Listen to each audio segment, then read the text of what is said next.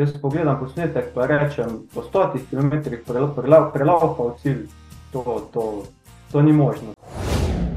Ja, jaz imam mišljenje, da treniraš za tekme, ne tekmuješ za trening. Nastane problem, ko na postajah postane, eh, nastane tišina. Tako je bilo nekaj narobe, ko se samo sedem, dan glavo dol, urška utihne. To... V bistvu, takrat se je potem začela nova, nova tekma. Ne tekma proti ostalim, ampak tekma z, z rekordom. Če sem iskren, sem iskal bolj kot ne najtežjo pot tu na Hrvaškem. In uh, kdo je šel po železarski poti na Urško goro, uh, ve, kaj zahteva, sploh pri spustih.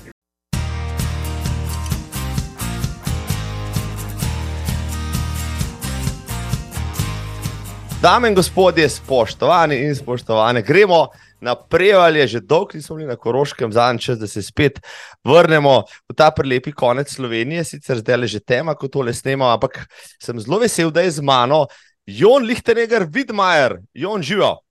Živijo. Kakšno je vreme zdaj na Koroškem? Uh, pa v bistvu kar hladno, sicer ne toliko, koliko bi bilo v tem času, ampak čakamo na zimo. Ja, pri nas je vreme zdaj le. Ja, tudi bolj tako temno. A, zakaj to pravim? Zato, ker imam to še dodaten razlog, več, da ne grem ven, ti red tečeš po zimi, po temi in tako naprej. Uh, v bistvu po temi, ja, uh, po zimi pa mogoče sem rejš na, na smočeh, na tekaških, na turnih. Tako da po zimi se malo izogibam teka. A da je neki, mislim, hočeš reči, da tudi s, tek, s tekom na smočeh, pa tudi s smočanjem ohranjaš, rekel si, neko svojo kondicijsko bazo. Ja, ja, poskušam po zimi. Uh, v bistvu kot bivši alpski smočar, so mi kar blizu smoči, tako da uh, jih poskušam čim bolj, čim bolj izkoristiti. Čim dlje. Čim bolj in čim dlje. Uh, ja, o tem bo še kakšno rekla. Uh, Jon je konec, saj tekaške sezone za tebe letos, ali še kaj v planu? Uh, ne, uh, to je to za letos. V bistvu sem za zadnjo tekmo za obalo končal, um, tako da sem že tudi na dva, tri tedne skoraj brez teka. Um, zdaj pa počasi se spravljam nazaj, uh, da lahko čim prej začnem spet sezono. Da je prva tekma na sporedu, to že veš, gotovo. Uh, verjetno aprila, istra. Uh, ni še 100%, ampak uh, to je želja. Istra, zelo stotka ali 100 mil, kako drzen boš? Ja, me mika 100 mil. Uh, poskušam priključiti še to razdaljo. Uh, letos neuspešno, upam, da bo drugo leto kaj bolj uh, videli. Kalijska razdalja, ultra trailu, joj, joj, joj. Ja, uh, začetek, dragi Jon. Uh, tri stavke sem si pisal o tebi, zato da te predstavim na eni publiki. Se vem, da te poznajo tisti, ki hodijo na trele, ostali pa morajo začeti, ker predvsem tam te vidijo, kdo je. Jon, Lichtenegger, vidmar se sprašujete, ja, diplomant in magistr programa kineziologije na fakulteti za šport v Ljubljani, ki dela na področju kondicijskih priprav, vad po poškodbah in individualnih vad po koncu karijere alpskega smučanja. Ja, ker je bil eh, kar dober, se je znašel v Trelteku, ker je zelo hitro pokazal svoje kvalitete. Zmagal je na stotki v Pavi, pred domačim občinstvom na K24 in pred kratkim, kot je že omenil, na obala Trelu. Korošec izpreval je izjemen talent, ki ne mara cestnih tekov, enkrat pa bi rad tekmoval na UTMB. Rekel si v enem uh, intervjuju, na UTMB grem tekmovati, ne nastopiti. Ha? Kaj si mislil s tem? Ja, povej. Mm, v bistvu mi je želja, da si to tekmo sploh zaslužim, da pridem tja. Uh, pripravljen najboljše, kar je možno, uh, da ne grem pogledat, tja, uh, kako zgleda ta tekma, ampak da grem odtekmovati, oddelati, uh, pa tudi pričakovati kak rezultat. Sklepam, da spremljaš UTM, pa ne brž skozi leta, saj zadnja leta, kar si do, domač v ultrateku ali kako. Uh, v bistvu zadnji dve leti bolj podrobno. Ja. Uh, prej pa, če sem čisti iskren, z Samim trail tekom sem se spoznal šele leta 2019. Še ne kot tekač, ampak uh, uh, takrat sem spoh uh, v bistvu pobliže spoznal trail tek. Zdaj, ja, do tega bo prišla. Um, um, zdaj mi povej, si, kdaj si začel se ukvarjati s športom mladosti? Ali bo to smučanje prvo, kamor si zašel, si že kaj prej poskušal v športu uh, eksperimentirati? Pa ne, v bistvu alpsko smučanje je bilo kar zgodaj, mislim, da pri petih, šestih letih, pa vse do 19. leta. Teda to, je, to, je bil, to je bilo neko obdobje v življenju, na katerega imam kar lepe spomine.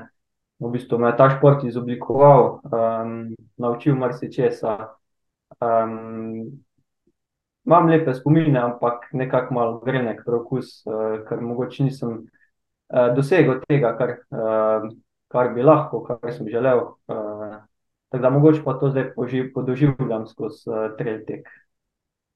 Uh.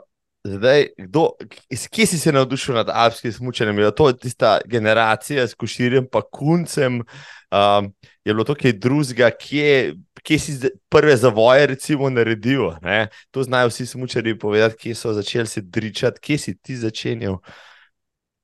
Uh, v bistvu to blizu, blizu preval, rimski urelec, uh, kot je. Uh, je pa na Poroškem tega, vsaj takrat, nogomet ali pa smočanje. Da neki veliki zbere ni bilo, um, pa smo vzel smučanje.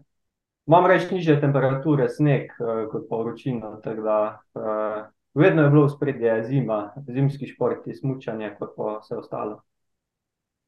Zdaj, um, ko si začel smučati, so, so si kmalo tudi tekmoval, najbrž se je pokazal, prišli so uspehi, ker Strajal si v tem športu skoraj 15 let, to je kar dolgo. No? To pomeni, da si neki ubeto ali imel ambicije ali kako. Uh, ja, sigurno, želje so bile visoke, uh, tudi določeni uspehi. Uh, so pa v zadnjem letu bile številne poškodbe, tako da tudi mogoče zaradi tega. Uh, potem sem se odločil, da končam. Uh, ampak sem se po vsaki poškodbi vrnil. Uh, še močnejši, tako da sem tudi sebi dokazal, da, da mogoče to ni, ni uvera. Um, je bil pa glavni razlog, da končam verjetno uh, upis na fakulteto, uh, ker sem vedel, da če se takrat ne opišem, če ne grem študirati, da je potem bolj mala možnost, da bom sprejet, da se bom odločil za to. Um, da mogoče zaradi tega. Ja. No, odločitev najbrž, najbrž ne obžaluješ, saj dan danes, po teh ne vem, koliko osmih letih, potem imaš za sabo kar uspešen študij. Uh, ja, sigurno še pomislim na to, še grejo misli nazaj, ampak uh, na koncu, ko pogledam nazaj, uh, sem kar zadovoljen za, za uspeh, za odločitvijo, za vsem, da ne obžalujem. Eh, če se ne motim, je bil tvoj trener tudi Mitja Kunc, naš znani olimpijonik. Uh, tudi Mitja Kunc ja, in tudi Aleš Gorza, tega dva, dva olimpica. Dva, dva, bravo. Ja, bravo, ja. bravo. Iz črne, iz črne na Hrvaškem. Ja. Zdaj, uh, kaj sta, sta te, morda te kdo od njih prepričeval, potem ko si nehal, da se ne splača še odnehati, ker kažeš res velik talent ali kaj takega? Mm, ja, sigurno se vsak dober trener te poskuša prepričati, eh, da še ustrajaš, da nadaljuješ, ampak ko se enkrat odločiš, je to to. Eh, bolj ko gledaš nazaj, bolj kot spreminjaš odločitve, eh, teže ti je. Um, tvoj največji uspeh, recimo v, v, v smutku, kje so bile tvoje glavne discipline?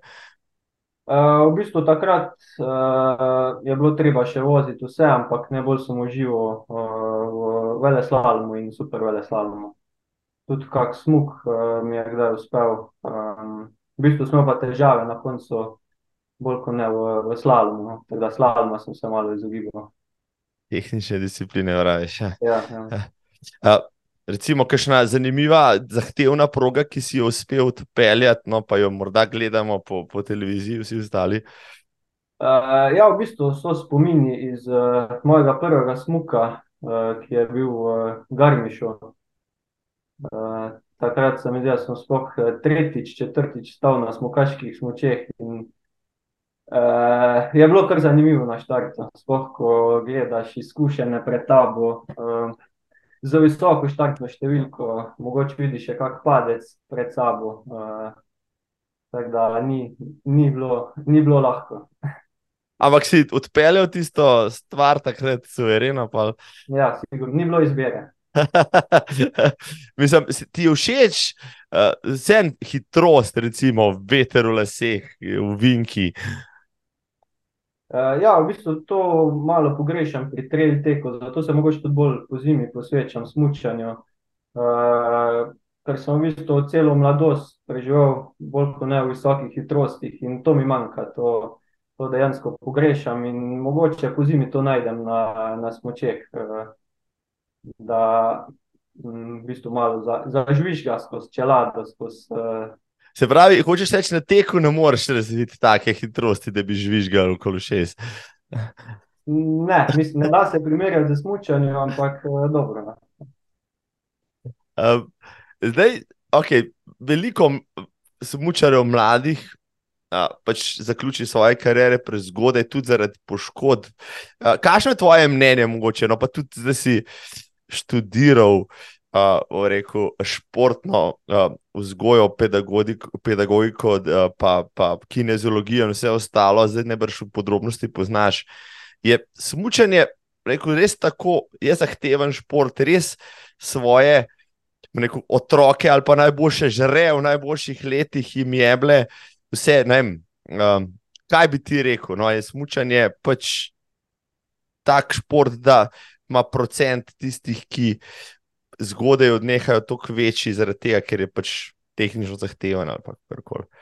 Uh, sigurno, dve stvari sta, po mojem mnenju, prve so poškodbe, uh, po drugi pa prenasičenost, uh, ker se prehitro začne z vsemi tekmovanji. Z, odsotnosti, z odrekanjem, uh, dokaj zgodaj. In uh, to se ponavadi v mladostniških letih obrne in uh, dobijo odpor.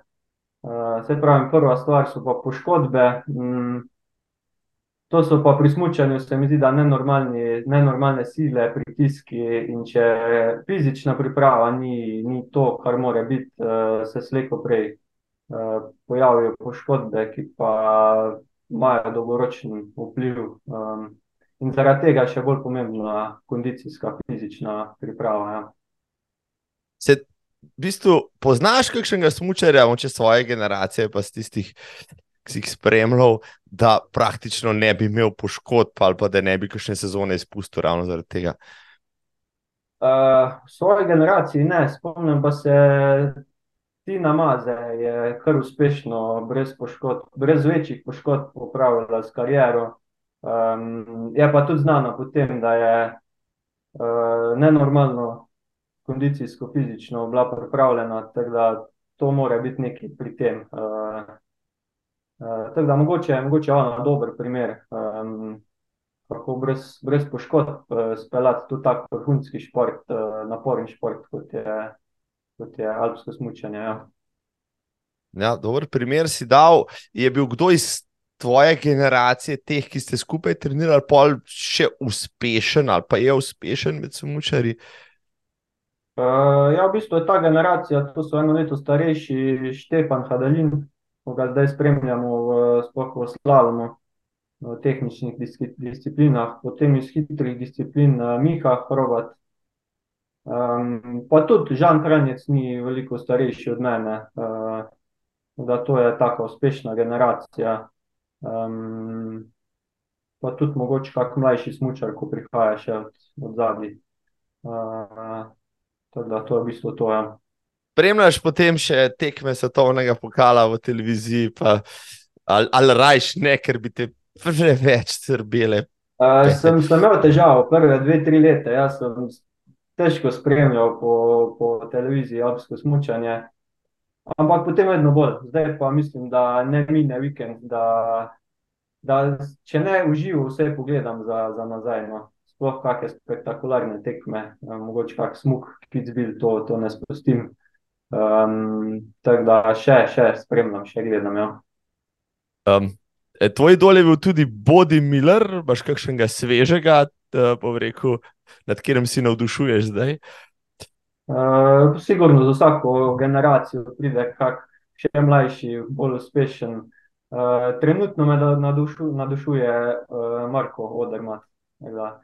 V bistvu me navdušujejo ti, ki poskušajo čim več disciplin vključiti, ker uh, zdaj v tem času je to, to najtežje, ker se pojavljajo specialisti in uh, težko v vseh disciplinah pride nekdo, ki je uspešen, čist zraven, v sam vrh. In ti, ki jim to uspe, uh, spoštujem z vso, z vso mero. Ja. Po tvoje, kdo je najboljši smočar vseh časov? Vseh časov. Recimo, ja, tako. Ja, to pa mislim, da ne grem mimo obodja Millerja. Človek je bil res stroj. Ja, se, je danes, zram, se ti zdi, da je dan današnji sploh še mogoče obvladovati rekel, več disciplin, biti toliko časa na sceni, kljubovati poškodbam, ali je tako hitro, toliko novih, toliko zahtevno vse skupaj, da je življenjska doba smučera precej krajša. Uh,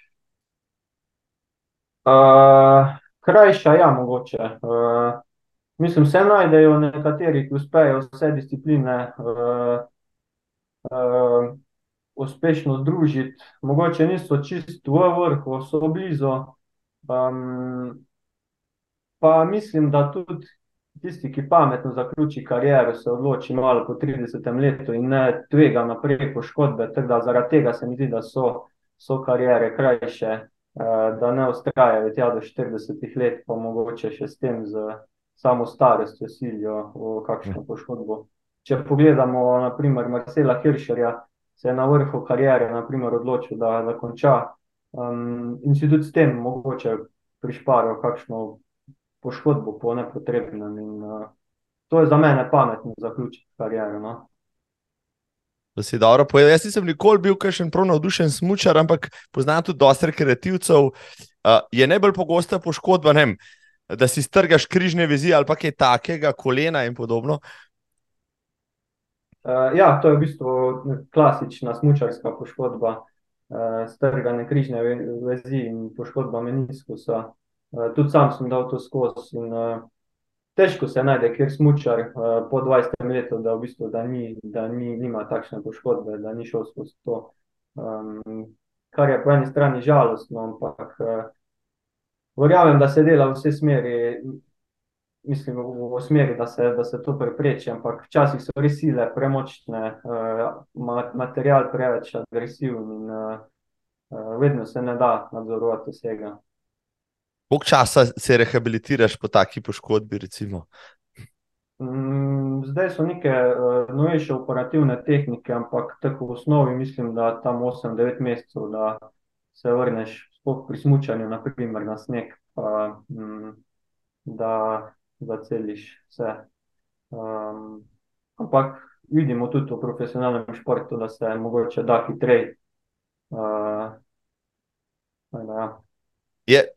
Vem, poznam kolesarje, pa ne pa tukaj še enega skakalca, ki je po kakšnem pacu, po resni poškodbi, imel kar mal zadrege, pa strahu se vrniti nazaj, na polno pognati. Kaj pa pri smučarjih, ti si dal to skozi, ko enkrat daš neko resno poškodbo, ali te je pol mogoče malo strah, kakšne strmine, pa kakšnega zavoja, ki ti je kdaj naredil škodo?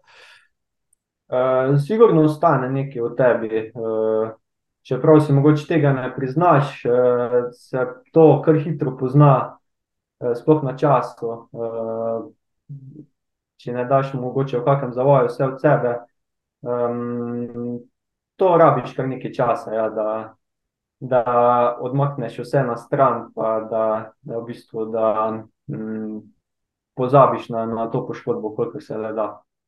Zdaj ti smučaš neobremenjeno za zabavo in veselje, tako kot ti duša da. Uh, ja, v bistvu zdaj, uh, sploh takrat, ko se je začela ta zadeva s korono, so bila smočišča zaprta, sem uh, Uh, bolj od takrat naprej sem bolj na turnih smočeh, da mogoče tudi naredim en trening uh, v klanec, uh, pa se potem da malo duška na vzdolj. Uh, tako da bolj kot ne sem zdaj na turnih smočeh. Um, beseda je neobhodno sledi vprašanje, kako ja, človek, ki je. Smučanje je vse preko vzdržljivosti, šport je športna moč, na eksplozivnost. Morda recimo, da tudi včasih na vzdržljivost, na kakšnih daljših rekel, uh, smukih in podobno, ampak vseeno, kako se en smučar potem najde v, v, v trailu, ne ultra trailu, to mi je fascinantno. Ne? Enkrat najprej se voziš po ne, tvoje najljubše smučišče, recimo v Sloveniji, če še sploh obstaja, glede na to, ni benga snega več. Uh, Krajinska gora, Vitrenc. No, čakamo na prvi stek, Krajinske gore. Kako greš iz Krajinske gore po Vitrencu dol, potem vem na, na, na ultra, pa, pa, pa gor čez stol, pa, pa čez, čez vem, uh, Mežaklo in podobno, nazaj v Kransko goro. To mi, to mi zdaj ni jasno. Kje si podkril ti trail? Uh, v bistvu sem bil že kar od nekdaj bolj vzdržljivostni športnik. Pa, uh, v bistvu sem delal vse bolj preko vzdržljivosti, ne toliko na moč. Uh, uh, sem že takrat, ko sem bil v smutku, imel neke dobre rezultate, tudi v teku.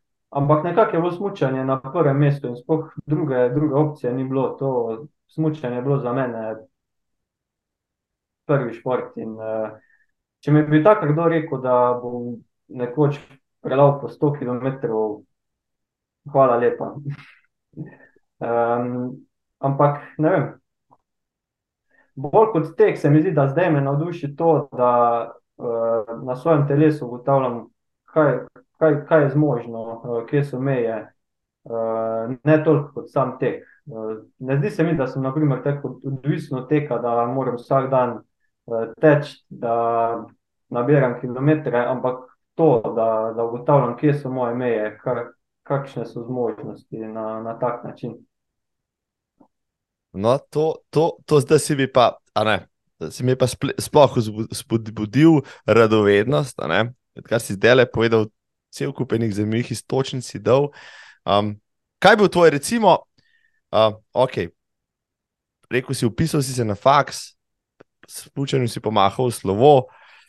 Potem pa kaj, si iskal uh, nov šport, si tekel malo za zabavo, kje si se potem skonektal v rekel, vzdržljivostni šport na te mere, da si ne vem, potem za, za, za slejko prej delal kot že stotke, pa, pa, pa Everestinge za, za svoje magistrske naloge in podobno. Kje si, ne, poznam mnogo pač športnikov, nekdanjih, ki začnejo teči. Pa največja stvar, kar je imel v življenju, je potem, da po desetih letih odlaufajo maraton, ostalo pa trimčke v tem pogodu, deset km na dan, pa so veseli, ko uh, morski prešički, ampak ti si zelo hitro prestavil se na zelo dolge razdalje, pa praviš, da niti nisi obseden s tekom, kar je mrzko še vprašal. To mi je sploh fascinantno. Da pa raziskuješ sam sebe, kako te je povleklo noter, kako hitro si bil, recimo, zdaj na takih razdaljah. Uh, no, da najprej povem zgodbo, sploh, kako, kak se, na kak način sem se spoznal z. Eh, to hočem vedeti.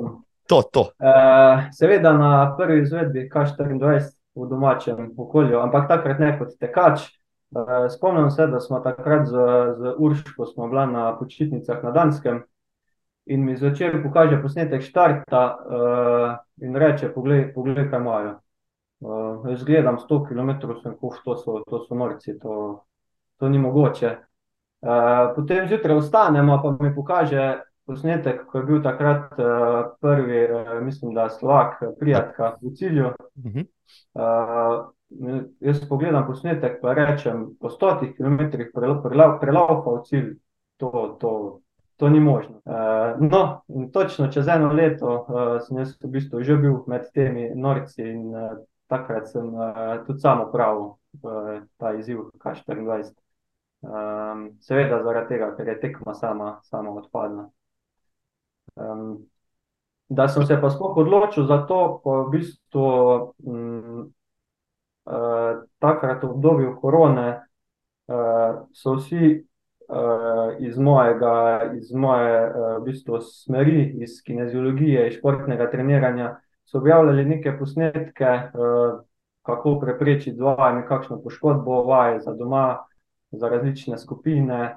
Uh, in takrat sem se v bistvu odločil, da mogoče pa ne napišem trening za ostale, ne izvedem vadbo za ostale, ampak da mogoče naredim nekaj na sebi, pa na tak način dokažem, da, uh, da v bistvu kako s pripravo, naprimer, se pripraviti na neko tako stvar, ki ti je neznana. In takrat sem se odločil, da se prijavim na to 100 km razdaljo, K24 in sem v bistvu to poletje porabil za, mm, za v bistvu to pripravo na, na tekmo.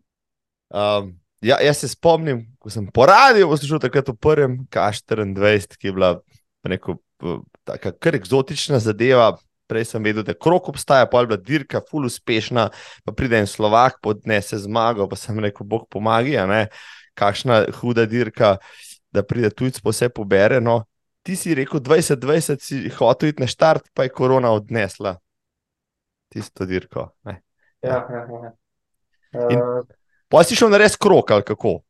Ja, v bistvu isti dan, ko je mogla biti tekma, sem. Uh sem odločil to klasičen izziv, K24. Uh, uh, to je v bistvu bila moja prva ultra razdaljena. Uh, um. Ampak to je bil plan, da to, to odtečem, to dokažem, da se na to da pripraviti in je to to, da končamo, ampak plani so se spremenili.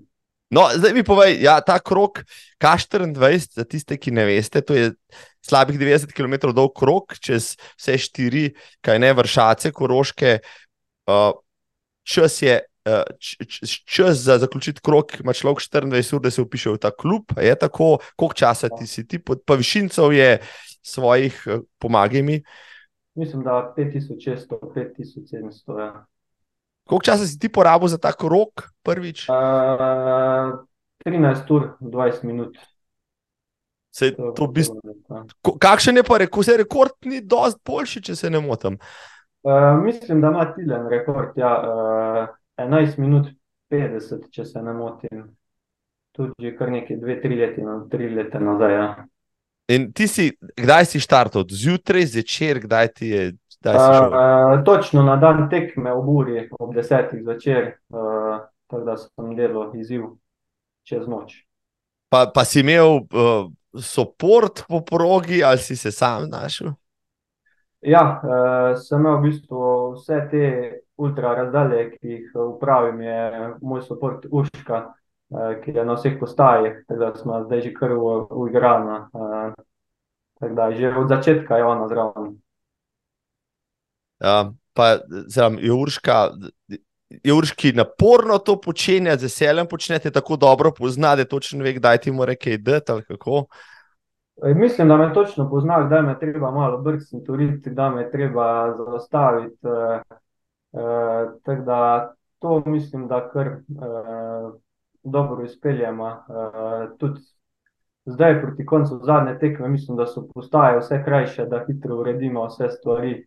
Um, Upažam pa, da na postajah uh, uh, nastane problem, ko na postajah postane, uh, nastane tišina.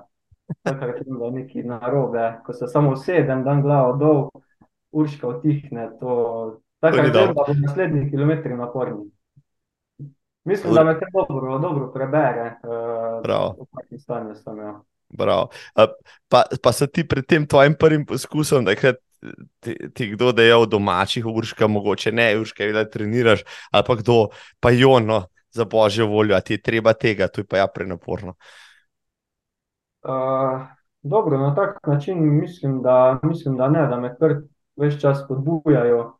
Uh, mogoče zdaj ta preskok na 100 milsko razdaljo, me kdaj zbodajo, pa vse je 100 km dovolj, vse ne rabiš več.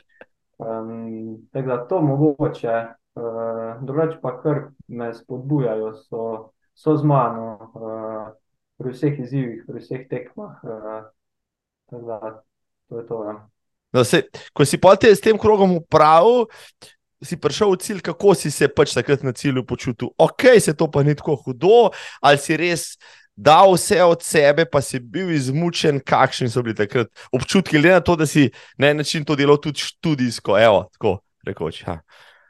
Uh, ja, v bistvu, ko pridem v cilj, se mi zdi, da sem v taki euforiji, da takrat niti ne čutiš neko utrujenost, zato pride vse od zadaj. Uh, niti mogoče ne zaspan, glede na to, da se celo noč po konci um, dela adrenalin svoje in takrat, če ne čutiš utrujenosti. In, uh, uh, pride to čez dan, dva, uh, od zadaj za ta bo še vse. Okay, koliko časa si imel muskel fiber po svojem prvem K24 poskusu? Uh, dobro, mislim, da traja dva, dva tri dni, uh, neč več. Uh. Ampak se mi zdi, da takrat je pomembno, da ne obstojiš, da ne obležiš, da mogoče greš na kolo, da malo čistiš noge, da jih poženeš nazaj, um, da si na tak način malo, malo pomagaš. No, to, to predvsem sprašujem, tega, ker me ta K24 enkrat še čaka. Že, mislim, da jih 15 let obljubljam različnim rekel, znancem in prijateljem, da bom enkrat šel, pa še nisem šel. Zdaj sem gostil že toliko uh, enih gostov, ki so to že upravili, da praktično že poznam pot na pamet. Samo priprava je skozi slabša, ampak nič ne de. Evo, uh, bom tole še enkrat poslušal. Evo, zdaj mi povej, ko si naredil ta svoj K24, si rekel, ok. Drugo leto, če bo dirka, sem pa zraven ni debate ali kako. Uh, pa v bistvu, ko sem končal ta krok, K24, uh, sem še vedno bil mnenja, da to je to, sebi in ostalim sem dokazal, da, da je to možno. Ampak potem, ko mine teden, dva, že začneš mogoče gledati, uh, kaj še lahko narediš, uh, kje se še lahko izboljšaš. In uh, potem je šele v bistvu potegnil ta šport, uh, da sem si res rekel, mogoče pa. Uh, takrat jeseni sem se rekel, da mogoče pa res to uporabim za magistrsko nalogo, uh, pa probam še mogoče bolj iz znanstvenega vidika uh, to izpiliti. Uh, se mogoče še prijavim na kako tekmo. Ja. Uh, ampak, takrat uh, si znanstveno sam sebe preučil še na enem projektu, ki si ga tudi naredil potem solo. Ja, to je bilo pa potem spomladi, se pravi 2021. Uh, To pa prva ideja je bila, da odtečem tekmo in si v bistvu po tekmi zmerim ta padec zmogljivosti in vračanje nazaj. Uh, ampak seveda so še vedno tekme eh, odpovedovali zaradi uh, koronavirusa in zato je, potem, je bil plan spremenjen, da se mogoče lotim tega Everestinga in, in na podlagi tega potem uh, naredim neko raziskavo. Uršla Gora je bila logična izbira, uh, ali kako, ali ti kdo predlagal to? Uh, ne, v bistvu, uh, ja. Če sem iskren, sem iskal bolj kot ne najtežjo pot tu na Hrvaškem. In uh, kdo je šel po železarski poti na Uršlo Goro, uh, ve, kaj zahteva, sploh pri spustih. Uh, in uh, to mi je bil tak izziv, da mogoče uh, vključim Uršlo Goro. Ja. Železarska je ta od Ivrškega jezera. Ja, ja, točno. Koliko višincev je na enem sponu? Uh, tisoč metrov spona, 4,1-4,2 km, uh, ampak uh, zahtevna pot, kamnita, uh, blatna, polovico leta blatna, um, je zahtevna. Ja. Se pravi, mogoče ne toliko pri sponih, pri spustih pa definitivno. In takrat vem, da je še po noči 3-4 ure deževalo, tako da še to se blato nabira na čevlje, um, še zaradi tega mogoče. Um, kar poznam, uh, Everesterjev, ki so se, so se lotevali ponavadi, moče mal lepših, mal boljših poti, mal krajših, rajškašno ponoviti več, ampak ti si šel Olin, Jurija Višinca vsakič to je s tem, da je še zahtevno. Namenoma si izbral to, ti je kdo predlagal kaj lažjega, ali si rekel, ne, gremo, če gremo, gremo za res. Ne, v bistvu odločil sem se, to je to, uh, zato se pripravim. Uh, uh, ni druge izbire. Uh. Se pravi, že naprej sedem, devet usponov bo potrebno, devet spustov, no se zadnje. Um, koliko si jih prej naredil, recimo, enem kosu, enega, dva, tri, mogoče ne, več kot dva nisem, nisem nikoli, pa še to se mi zdi, da uh, po zimi uh, so spet pogoji čist drugačni. Um, ja, pa že pri dveh kar do dobro čutiš noge pri zadnjem usponu. Um, tako da sem vedel, kaj se spuščam. Uh, nisem bil pa čist prepričan, da mi bo to uspelo. Um, kaj človek, recimo, da je ta zgarabi? Najbrž okay, do, dobro izdelan plan, uh, uh, odlično ekipo, najbrž z vso uh, hrano, pijačo in suportom tam, kaj še. Uh, ja, v prvi vrsti to se mi zdi, da uh, sploh na pripravo, potem uh, prehrano. Takrat vem, da sem si tudi v okviru magistrske naloge uh, neprestano meril sladkor v krvi, glukozo in pa laktat. Tako da sem se tudi lahko v bistvu mm, prehranjeval, glede na te povratne informacije, koliko je glukoze v krvi, da sem imel uh, kontrolo.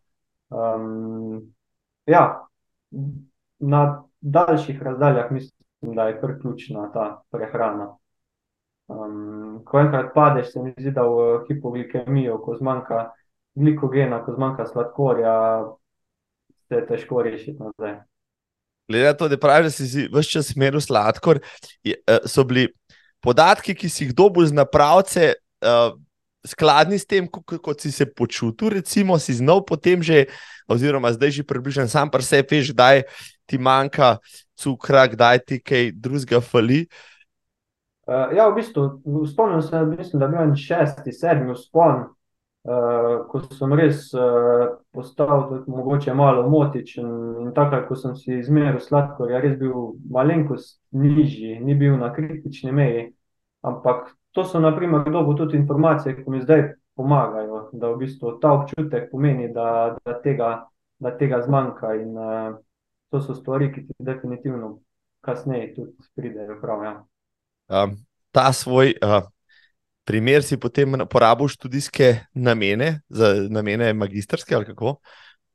Uh, ja, v bistvu sem želel zaznati padec uh, sposobnosti, uh, pa potem vračanje, koliko časa v bistvu rabiš, da se vse stvari vzpostavijo na izhodiščno uh, raven. Teda to testiranje, to raziskava je v bistvu obsežna, ker je bilo treba zajeti uh, rezultate pred samim restingom, da smo vzpostavili neko izhodiščno vrednost, pa še potem delati uh, testiranje en mesec po restingu, da v bistvu smo zaznali padec in vračanje te, uh, teh sposobnosti.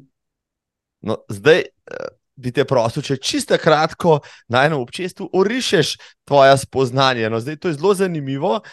Marsikdo bo zdaj le pač nešpičil šesa, kaj je Jon Lichtenegger. Svoje magistrski zdaj ugotovil, kar še ne vemo, no, kaj bi ti, uh, kaj bi v abstraktu povedal, recimo, kaj si ugotovil na svojem primeru, evo, uh, padanje sposobnosti, uh, regeneracija, vračanje, vse ostalo, evo, izvoli. Uh, Prosim. Uh, v bistvu najbolj zanimivo je bilo to, kar je tudi mene presenetilo, da uh, se mišične funkcije, oziroma mišične poškodbe, ki, ki uh, povzročijo padec mišičnih funkcij, vrnejo precej hitro. Sploh glede na to, da, številn, uh, da so bili številni spusti, dolgi kilometr višincov, uh, uh, so se te sposobnosti vrnile v parih dneh, treh, štirih, petih. Uh, Najdlje so ostale pa poslabšene v bistvu ključne funkcije, um, v bistvu uh, dihalni volumen, prevzem kisika in, in uh, te stvari, uh, kar mogoče niti ne čutiš, po, če vzamemo zdaj za primer ultramaraton. Uh, jaz sem vedno bil mnenja, da mogoče so noge tiste, ki ne dajo več uh, po takem naporu, da rabijo ne več časa, da pridejo nazaj na na izhodiščno vrednost, ampak v bistvu smo dokazali, da so prav te ključne funkcije pomembne, ki, ki se vračajo več kot en mesec po takem naporu. In, um, to je bila naša glavna ugotovitev. Ja. Ti je morda, morda profesor, mentor predlagal, da zdaj pa narediš še kakšno širšo študijo, kjer bi zajel bo več, večjo kohorto ljudi, moče različnih starosti, spolov, kaj takega. To bi bila tu zanimiva študija, recimo ne, na tem področju. Ja, sigurno, ampak mislim, da je kar problem dobiti uh, skupino ljudi, ki, bi, uh, ki sploh to počne in ki bi verjetno se vključila v to raziskavo. Te študije so večinoma. Um, uh, temeljijo na eni osebi. Da, uh, bi bilo koristno, ampak mislim, da je to, to neizvedljivo. Se pravi, kaj, se pravi, rabo bi vem, deset prostovoljcev, pa jih sto jurjev denarja, recimo pa eno leto, pa bi jih spremljal. To bi bilo kar zanimivo. Uh, recimo, ja. ja, ja. Uh, pa recimo nekaj starih kozlov naših let, recimo Matej Pečnik je recimo tak dober primerek. Uh, ti si vendarle bil ob tej študiji star 25 let, kaj bi študija na 45 letniku pokazala, bi bilo tudi zanimivo. Recimo, ja, sigurno je vsak. Uh, Vsak tekač bi imel različen, mislim, različen rezultat, to je odvisno od vsakega posameznika. Um, ja, kar precej zanimivi in različni rezultati bi bili. Sploh uh, glede na, na, na leta, na starost, mislim, da, da bi bile precejšnje razlike. No. No, evo, zdaj so ugotovili, da raba enega sponzorja, ki bo dal denar, pa ti rabaš eno leto cajt, potem pa za svoj doktorat lahko narediš, recimo, kaj takega. Ja, ja. Ampak mislim, da sem zaključil z, z študijo. ja, no, ajde, nikoli ne reci, nikoli, ja, mogoče boš pa enkrat doktor, lihter, negar, vidmajer. Zakaj pa ne, ne, glede na to, da si, rekel, sposoben tudi na tem področju, zdaj um, jaz si bom še enkrat prebral. Mogoče še na abstrakt tvoje, tvoje magistrske me res zanima. To, kar si povedal, je zelo, zelo uh, posebej, ker je z domačih logov, no, beremo te študije iz tujine, pa nikoli ne veš, na čem so delali. Ti si mi zdaj z prve roke povedal, um, ko si, ko si, kako si zaključoval svoj študij. No, ampak ta Everesting, ki je bil po uvodu nekaj drugega, no, zdaj pol, ko si bil že na treniranju, si rekel, pa pejmo še na domačo dirko ali kako. Ja, v bistvu to je bilo leta, leta 2021. Uh, takrat še nisem imel končane nobene tekme in v bistvu bil K24 prva taka ultra, ultra razdalja, na katero sem se potem prijavil in tudi odtekel. Od ja. Pa nisem te ni zamikal, da bi ne, v tem pripravljalnem obdobju ali pa tako nasplošno, ali pa predem šel na K24 rekel, ok, grem pa provat nekam, eno 30, ali pa en maratonček, bog pomagi, ti koj iz, iz prve na stotko ali kako. Uh, ja, dobro, vse to so bile razdalje, ki sem jih upravil na treningih, ampak uh, s tekmovanjem sem pa želel počakati, da ne preupravim to, Everest in končam magistersko nalogo, pa se potem mogoče uh, posvetim uh, tekmam in poskušam še taj, tam kaj, kaj doseči. Samo po Everestu, še nekaj povej, se te prej pozabil vprašati. Ni bilo nikoli dvoma vmes, da bi rekel, hej, fanti in dekleta, hvala, da ste prišli, pa je zdaj vi na pico in pir, jaz vam dosti tega. Ne, ne, ne. Spet ni bilo izbire. Bila taka družba, da v bistvu, da res vsak uspon so se menjali, tako da sem imel uh, podporo, družbo prav. In, uh, nis, ni, ni, nisem pomislil na to, niti, niti eno spomnjam. Če se prav videl, imena so bili v tej družbi sami prekaljeni mački, oziroma tudi organizatori dirke K24. Je tako? Ja, ja. tudi je bil uh, Klemen Pušnik. Uh, Eh, pa kar nekaj še koroških tekačev, ja. um, da je bila kar zbrana, zbrana družščina. Ja. Najbrž so ti že tam rekli, no, Jon, zdaj pa če ne boš prišel na dirko, te bomo pa zvlekli za pete ali kako. Uh, ja, verjetno, ja. ja. ja.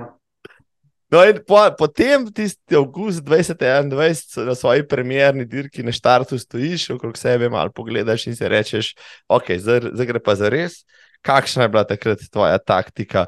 Pripravljen si najbrž bil, treniral si, kaj si pričakoval od tiste svoje prve dirke? Uh, v bistvu rezultatsko nisem imel nekih ciljev, uh, niti nisem vedel, kaj me čaka. Uh, dobro, prav sem tisti izziv prejšnjo leto, uh, Everesting, ki je bi, naj bil verjetno daljši časovno kot pa moja tekma. Uh, ampak še vedno nisem vedel, kako se bom odzval na tekmi. Uh, me bo potegnili naprej, ostali, uh, se bom lahko držal neko nazaj, ker vedel pa sem, da uh, štart bo imel počasnejši kot pa tista prva skupina in uh, nisem vedel točno, kaj, kaj pričakovati.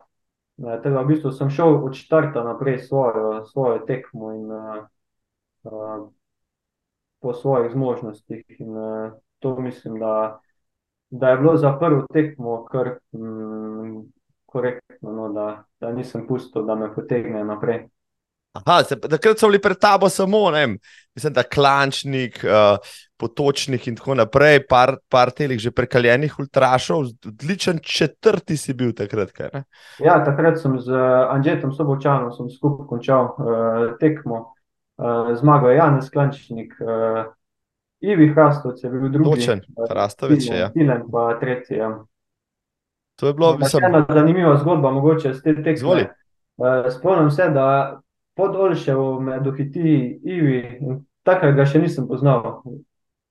Slišal sem samo govorice o njemu, ampak nisem, nisem ga poznal, nisem vedel, kako izgleda. Pogledam jaz nazaj in vidim uh, nekoga v kratkih hlačah, brez majice, dve frucovi flaši, zataknjeni v nahrbtnik. In si mislim, kdo, kdo me to prehiteva. Mogoče jaz spuščam tempo, uh, ni mi bilo jasno, ampak potem, ko sem par kilometrov nadaljeval z njim, je bilo tako jasno, da to, to mora biti Ivi. ja, še dobro, da je Bosni bil, ja, pa. Ja, ja, ja. ja. No, in evo, si zaključil takrat uh, sred črne svojo prvo dirko. Um, kako si pač na koncu vse skupaj doživel? Si, si tle pa si šel, malo bolj na polno si šel v, v, v, v, v Ibr, ali si tudi pač imel malo rezerve, pa si se učil. Uh, ne, v bistvu takrat sem že šel, mislim, da do, do konca, do svojih zmožnosti. Uh, tudi če sem na koncu, mogoče z Anžetom skupaj končal tekmo, uh, je bilo to to. Mislim, da takrat ne bi šlo, uh, ne bi šlo več. Uh, Da, ja, v bistvu po standardih mojih tekem, tako da jaz v bistvu vsako tekmo odtečem do, do konca in uh, to se je izkazalo že takrat. Ja. Ja, na tekme se ne hodiš sprehajati, hočeš reči. Ja, jaz imam mišljenje, da treniraš za tekme, ne tekmuješ za trening. Da, če se pojavim na štartu, ne grem trenirati.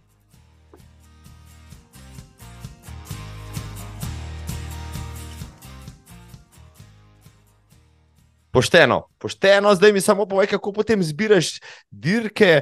Nisi na veliko štartih, na tistih, ki si greš na polno, kako pa si, si potem začel koledarček obkroževati, recimo za naslednjo sezono.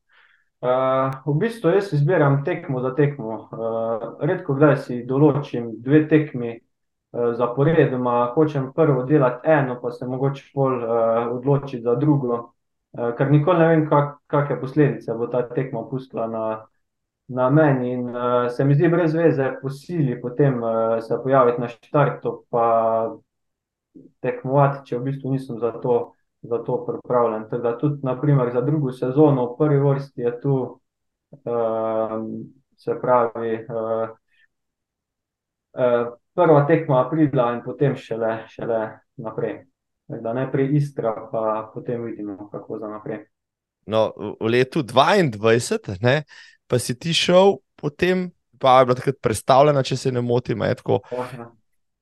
So te tja povabili, si sam tisto najdel, si rekel, gremo še eno stotko probat ali kako?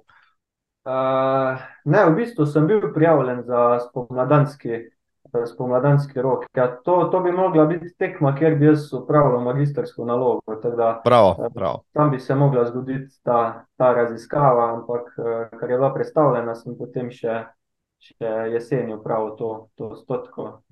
Mm, in ne obžalujem. No, ja, jaz tudi ne bi, če bi zmagal, ja, kjerkoli že. No, ampak jaz se spomnim, takrat sem gledal tisti prenos. Zelo dobro so imeli zrihtan, tudi s komentarjem v cilju, pa s kamerami na progi. Pa vem, da je bil en peš, pa s kolesom.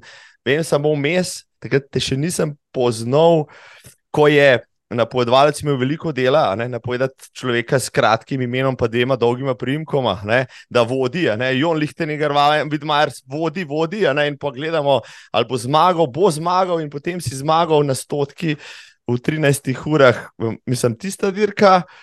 Je pa že malo pokazala, da bo s tabo kar težko tekmovati, če se boš pojavil na štartu. Kako je bilo? Uh, ja, takrat sem se v bistvu prvič pokazal v, v vodstvu in nisem vedel tudi nekaj pričakovati, ker prvič bežiš, ne slediš nekom. In, uh, spet neka nova stvar za, za, za mene. In, uh, um, v bistvu mi je tudi bila malo pisana na kožo, ker so bile jesenske razmere, mogoče malo bolj hladno, Uh uh, -huh. Ker ne maram vročine. In, uh, mogoče je kar dobra izbira, no, da, sem, da sem dosegel to prvo zmago. Uh, da mi je mogoče malo tudi odprla pot za, za naprej. No, takrat, takrat si pol, a se te v- potem po tej zmagi povabili že na kakšno drugo stotko, zdaj si bil pa eden tistih, ki so vsi že mal pogledali za njima, ne? kako pa kaj, pa da bo težka konkurenca. Ja, v bistvu tudi takrat sam nisem še hotel preveč nekaj obešati na, na veliki zvon, eh, ker v bistvu mi ena zmaga še ni toliko pomenila, eh, ker so le, le ostali, ostali tekači, imajo kar nekaj zgodovine za sabo, mm, jaz pa v bistvu dve odtečeni stotki, eh, tako da sem se hotel še malo držati nazaj, no nisem hotel še preveč izstopati. eh, Sem pa že imel plane za naslednjo sezono. Ja. Ja, vrnil si se potem nazaj na isto, na isto dirko, sam na, na pol krajšo razdaljo. ja, se pravi, takrat je bilo pol eh, maja državno prvenstvo eh, na 50 km na, na dolgem trelu. No, zdaj, da vas zdaj primerjate, ne? recimo 100, 50. Ko, ne? zdaj uh, bi zase rekel, da ti stotke bolj ustrezajo kot 50, ker so prehitre, ker so. Ne vem, um, sami razloži, prosim, lepo. Uh, ja, to po mojem mnenju sta dve čist različni disciplini. Uh, ker na 50 km razdalji je kar močen tempo in če skozi se da tam na meji, eh, se pravi, ko rečemo, da greš v rdečo cono, eh, pri visokih hitrostih in eh, se mi zdi, da je čist drug napor. Mogoče proti koncu glava ne dela toliko kot pa na stotki, um, se pa pojavljajo druge stvari, uh, krči, uh, naprimer, in uh, tudi mogoče prehrana nima takega smisla kot pa, kot pa na stotki.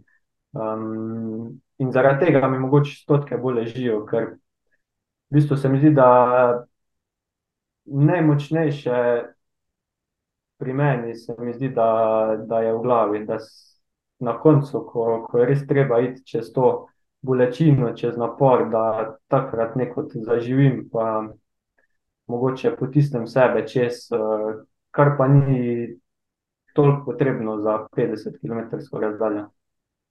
Mhm, Si potem zaradi tega tudi letos uh, na obala trelu izbral daljšo, ne pa razdaljo za državno prvenstvo. Uh, ja, mogoče. Uh, pa tudi hot- hotel sem končati, mogoče letos eno, eno stotko, glede na to, da je bila Kranjska gora bolj ponesrečena, um, pa da je spet naša domača tekma odpadla. In, um, želel sem kon- končati eno stotko, no, kot se spodobi. Um, no, lani si potem, evo, po tisti 50, ki v Pavi zdaj, um, pogledaj, če šel še malce čez mejo. Ja, znani Lavaredo, kamor hodi veliko slovencev, je videti tudi slovensko, slovenskega tekača z najboljšim rezultatom v zgodovini, kar se slovenca tiče. Uh, ja, mislim, da, mislim, da je tudi Tilen bil tam nekje, uh, uh, par let nazaj, um, ampak mislim, da par minut počasnejši. Ja.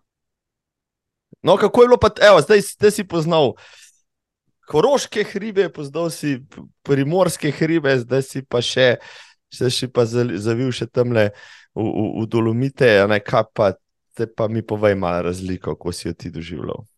Ja, v bistvu prva razlika, čista euforija na štartu, tam okrog 2000 ljudi v Kurtini. Uh, mislim, da se sploh ne spomnim prvih kilometrov, ker je bilo noro. Iz vseh strani, uh, navijači, uh, tisti špalir, ko naredijo. In, um, uh, mislim, da se sploh ne spomnim štarta. No, da, uh, potem pa prva polovica tekme vrhunsko, druga polovica je bila pa mučenje. Tam pa, eh, sploh ko sem prišel čez to razdaljo, vajen sem bil mogoče 100 km razdalje in ko sem šel čez 100 km, je bilo do zadnjih 20 km res eh, samo mučenje in eh, spet neka nova izkušnja eh, za naprej. In eh, konc koncev pa sem bil zadovoljen s tekmo. No. Na koncu si izvrsten, si prišel v cilj, um, tudi v cilju ne brž vzdušje, ki je bilo primerljivo s tistim na štartu, uh, ne brž zaradi količine ljudi, navijačev, tekačev, vsega skupaj. Uh, ja, ja. Uh, mogoče mi je ostala ena skrita želja, da se uvrstim med 20 najboljših, uh, takrat sem zasedel 22. mesto. Da, mogoče ena taka črna pika, ampak vse ostalo pa uh, odlična izkušnja. Um, sploh prva tekma v tujini. In, uh, uh, sem se takrat odločil, da se še vrnem v Hortino na Lavaredo. Si imel tudi tam spremstvo s sabo, kako je pa tam to izgledalo v tujih hribih? Uh, ja, isto, isto, urška na postajah.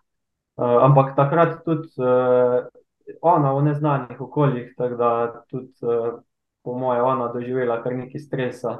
Uh, ampak smo super vse izpeljali, uh, tako da tudi tam je štimalo vse.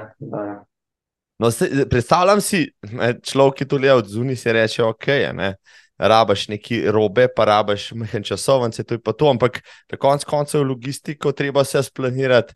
Uh, Plan A, pa plan B, pa plan C, med koliko časa ti vzame, recimo, tako le planiranje, sam tega, ne samo kako boš ti tekel, ampak kako boš zorganiziral, da bo v pravem času, uh, na pravem mestu tudi tvoje spremstvo. Ja, v bistvu si ene tri dni prej začnemo delati plan, da ne previdimo, kaj sploh, uh, kaj sploh vzeti na kjer postajo, um, pa da si potem določim neke okvirne časovnice, kje bomo v katerem času. Um, tako da to sta dve taki ključni stvari. Uh, uh, ostalo, pa, ostalo pa mogoče vidimo sproti, uh, kaj se kje rabi. Uh, da, ja to je to. Zdaj že po nekaj dirkah, pa zdaj že veš, koliko oblačil je treba, pa kakšno hrano, pa koliko tekočin, pa kje pripravke ali kako, ali se še se vsaka dirka da še kaj novega, kar, kar, kar pa te mal preseneti na način. Ja, ne, sigurno se vsako tekmo naučim kaj novega, ampak te okvirni, okvirni um, plani pa so, so narejeni. Um, v bistvu, glede oblačil, se ne rad spravlačim, tako da ne rečem, ostanem kar, če se le da v istih oblačilih. Uh, edino to res, uh, glede prehrane, pa res planiramo točno, da, da se potem ne loviš na postajah, uh, kaj rabim, kaj vzeti. Uh, mm, tako da ja, to je ključna, ključna, ključna zadeva. Ja ti pomaga tudi tvoje rekel, strokovno znanje, ki si ga pridobil tekom študija, ali, uh, ali si že nasploh tudi študiozen, kar se tiče svo, tvojega ukvarjanja s športom. Uh, ne, mislim, da sem takrat uh, točno ugotovil, kaj rabim, da, da, v bistvu, da zmorem tako razdaljo, uh, da sem lahko tak čas pod naporom. Teda, mislim, da mi je kar veliko ta raziskava dala nazaj povratne informacije, mm, da v bistvu na, naštudiraš celotno prehrano, celotni sistem, ehm, pa da imaš tudi neko povratno informacijo, da to v bistvu učinkuje, da, da je to to. Um, tako da se še vedno posvečam iste strategije, kot pa naprimer takrat na, na Everestingu. No, očitno, evo, deluje, očitno si spoznal sam sebe. Oh, ajde, bomo videli, kako na 100 milki, tam računam, da še kaj mnogo kot to v sebi. Ampak a, prej si že dejal, ne, ne rabim vsak dan niti teč. Recimo, ne, a, en drugem intervjuju si dejal, da niti ne tečeš tako veliko ne, za ultraša 60-80 km na teden. A, da mi malo razloži, recimo, ne, a, ali to zaradi tega, ker tekom svojega dela, delovnika, že si fizično aktiven, zaradi tega, ker kombiniraš z ostalimi športi. Kaj je tvoja skrivnost, da lahko 6 km na teden potem stotke vračaš? Uh, v bistvu prva stvar je, da mislim, da si sploh ne morem privoščiti, da bi dobro, vsak dan delal neke treninge, eh, ki so 3-4 ure, ne prekinjeni, se pravi, da bi bil 3-4 ure v samem teku. Uh, druga stvar pa, da imam trenutno občutek, da če grem čez to mejo, če grem vem, dva tedna zaporedoma, čez 100 km na teden, da se mi že začnejo pojavljati neke težave, te tekaške poškodbe. In da v bistvu skozi rezultate vidim, da niti mogoče ni, ni smisla, da dokler da lahko napredujem, bom delal po tem sistemu, po tem principu, uh, ko se pa enkrat ustavim, bo pa treba nekaj, nekaj spremeniti. Uh, je pa dejstvo, da ogromno še upravim, naprimer v fitnesu, na kolesu in mogoče s tem malo kompenziram, da, da mi ni treba narediti toliko kilometrov, kot pa, kot pa bi mogoče kdo želel. No, ampak, lej, vzamem 60 km na teden z lahkoto, če zmagam na K24. Sam, če boš rekel, da je pol treba vsak dan, vsak drug dan iti v fitness za dve uri, ha, te, to je pa že kar veliko. Kako? Naredi, recimo, da mi je tvoj tehnički teden tako čist mal plastično, čez palec, malo ocenjeno. No, naprimer, med sezono, uh, recimo, ostanem ob šestih, pol sedmih. Uh, grem v službo, delam za dve, tri ure, pridem domov, se najem, naredim tekaški trening, eh, se najem, grem nazaj v službo, približno do pozno popoldan, do večera. Eh, potem upravim trening v fitnessu, se zvečer najem, grem spat. To je moj klasičen dan eh, med, med sezono. No, to pomeni, da si vendarle aktiven tudi kar se svojega treninga tiče, ne, urco do dve na dan, sigurno. Uh, ja, sigurno, dve uri, če se štejem, se pravi, ta tekaški del in pa, in pa fitness. Uh, kar pa pomeni, da so ti tekaški treningi, uh, je kar nekaj intervalnih, visoko intenzivnih treningov, da mogoče provam na ta način um, potem čim več uh, prinesti. Da mi, mi na povej svoj najbolj zajeban, zahteven intervalni trening. No, tako da, če mi boš razlagal, zdaj, da bom mal bruhnil v usta, kaj je pa res tisto, kar ne maraš, ampak narediš, ker je učinkovito. Uh, dobro, ne bo spet uh, železarska na, na Uršlo goro. Uh, če izberem v bistvu take intervale po 30 sekund, uh, delam s palcem, tekaškim, uh, v bistvu 30 sekund pospešim v maksimalni tek, oziroma koliko se da v ta klanc, uh, pa 30 sekund uh, shodim. To ponovim desetkrat, uh, zatem 5 minut hoje, uh, pa to ponovim še desetkrat, 5 minut hoje, pa še desetkrat. Oh, to je moj intervalni trening po železarski poti na Uršlo Goro. Čakaj, kolikrat s tem, tem treningom prideš gor pa dol, a to je samo ena ponovitev? Ne, to je, to je ena ponovitev. Ja, do, do, do kam spraviš svoj srčni utrip, recimo pri takem treningu? Uh, gre blizu maksimuma. Ja. Maksim, maksimalni srčni utrip imam 201, tako da zadnje ponovitve se že približajo uh, med intervali do, do blizu te meje. Ja. 211 lahko dosežem samo v predinfarktnem stanju. Uh, kakšen uh, srčni utrip pa recimo med tekmo, evo, to me čist, čist uh, radovednost daje, pri, pri kakšnem srčnem utripu lahko deluješ, ne vem, pa 10 ur skup, če se vrtem. Uh, to sem v bistvu zdaj na obali spet odkril nekaj novega, ker sem v bistvu 10 ur in pol držal 163 povprečni srčni utrip.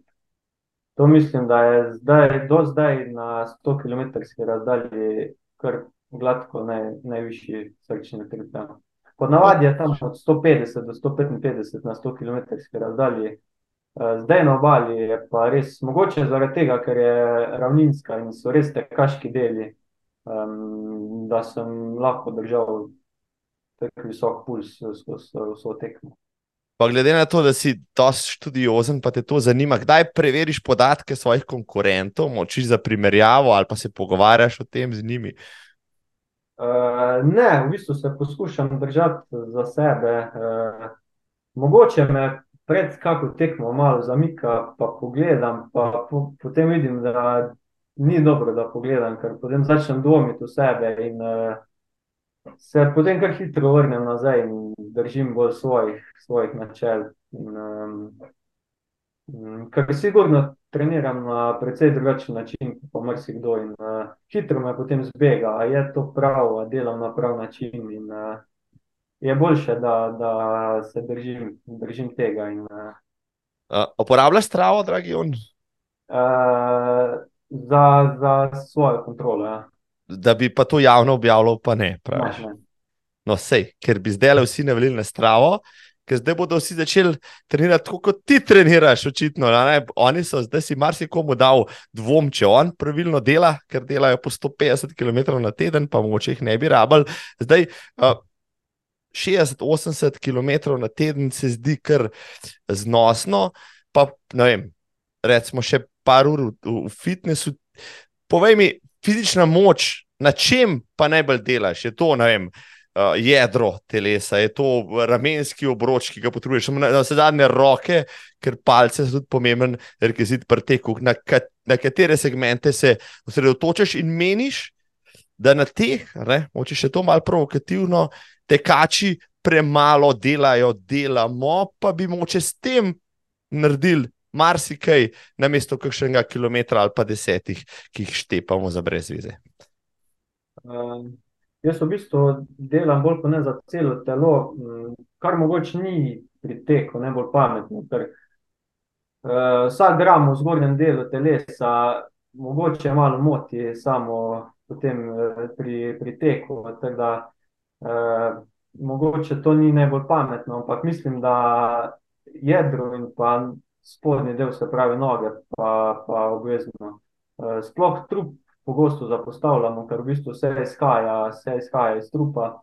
Sploh na teh uh, mogoče dolgih razdaljah, uh, ko marsikoga kdaj pogledaš po 50-60 km, ko ga v bistvu lomi, ko ga zvija. To se zgublja energija, to se zgublja hitrost. In, če tam nisi močen, ti tudi vzdržljivost ne pomaga, ker v bistvu uh, ni togo telo in uh, nima iz kje izhajati moč. Je plank še zmeraj ultimativna vaja za vsakega, recimo tudi rekreativca, ki bi jo lahko delal zvečer pred televizijo, ko gleda vremensko napoved? Uh, dobro, da bi zdaj bila ena vaja, ki bi ki bi premogla k temu, ne verjamem. Uh, se pa verjetno da se staviti kak sklop vaj, ki pa, uh, ki pa kar doprinesejo k tem. Ja. Ja, vedno znova se vračam k tem vajam za moč, v tem podkastu, ki ne lešči, ja, mi nekaj hoče vesolje povedati.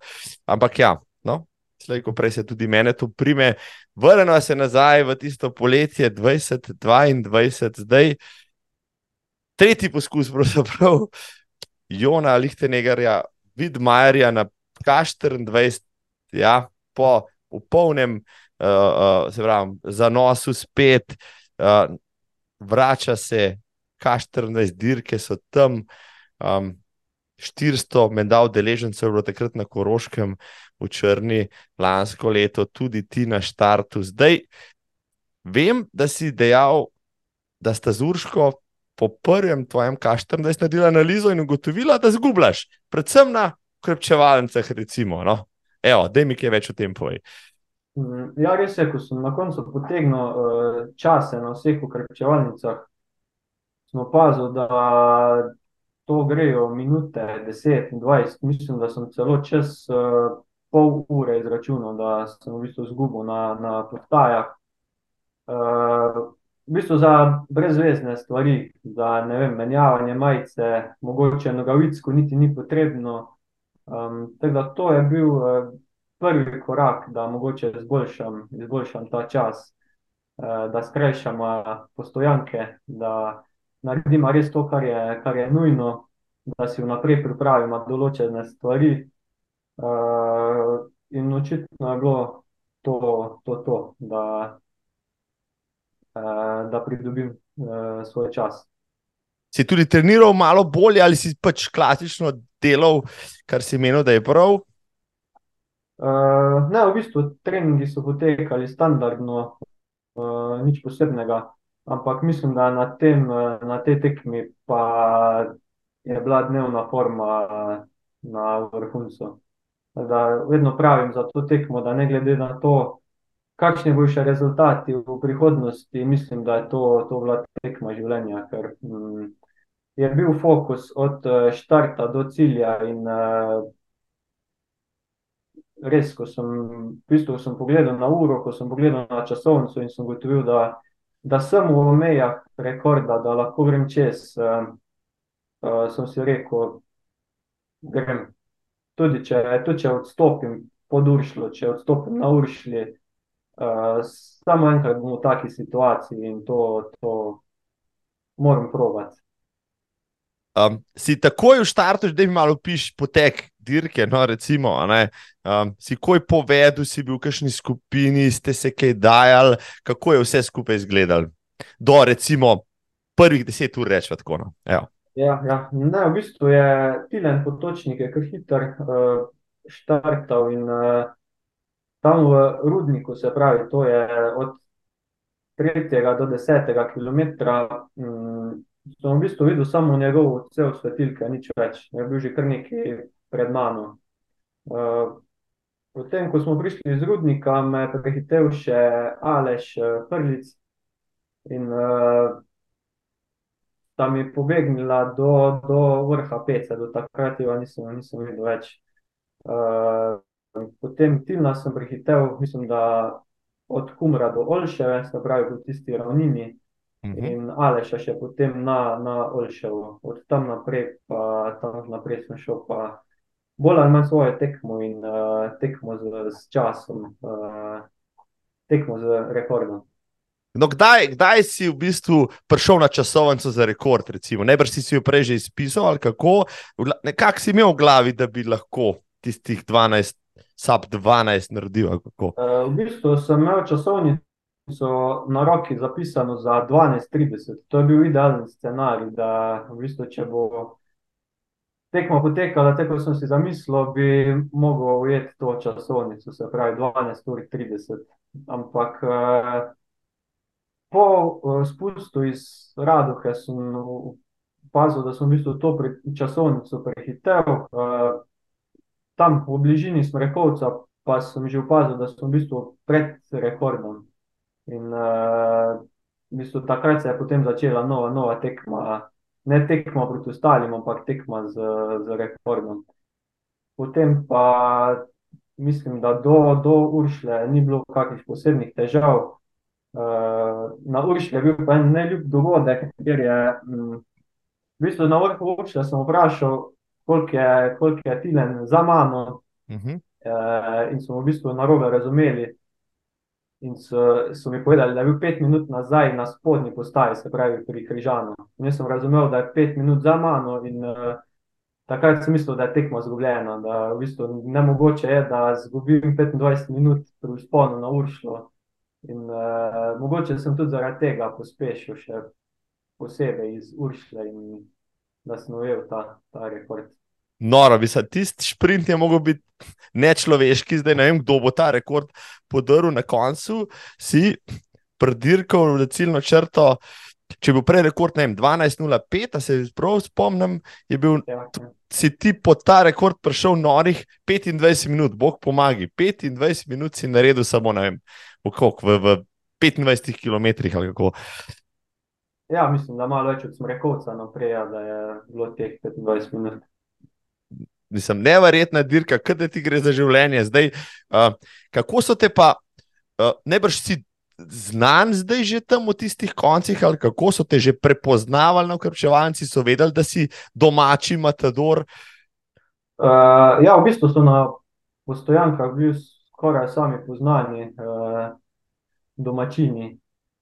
Iz Koroške, tako da smo se poznali. Ja, da, ja. Uh, vem, vem, da je bila ena novička tam v mestu, doma, domačin ali na Facebooku so objavili eno od karoških strani, ne, domačin vodi in pol spodaj 12.000 komentarjev. Uh, dajmo, dajmo, ne, tak, takrat. Zdaj mi moraš povedati, kako si doživljal pol.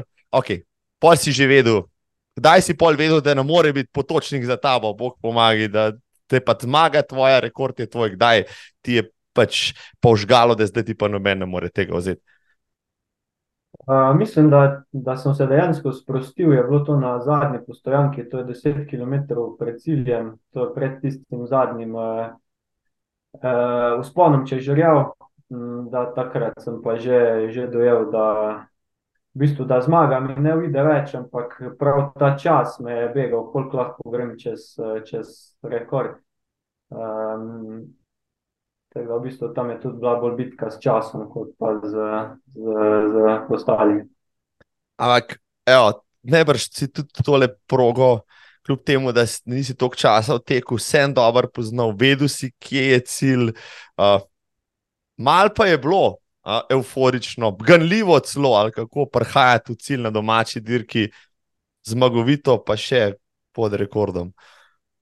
Ja, sigurno. Mislim, ko to še enkrat podoživljam, vedno dobim kurje pot, ker to je nekaj posebnega, sploh na, na, domačih, na domačih tleh, na tekmi, kjer te vsi poznajo. In, uh, je nekaj posebnega, ja, definitivno. Um, do zdaj najlepša zmaga. Mislim, da tudi organizatorjem, pa lokalcem, pa vem, mislim, da sem videl še eno fotko z županjo in tako naprej. Vsi so bili tam navdušeni, da, da je na taki, vendarle mednarodni in zelo lepo zasedeni tekmi domačin vzel krono. No, to se ni zgodi veliko krat, zdaj doslej se še ni.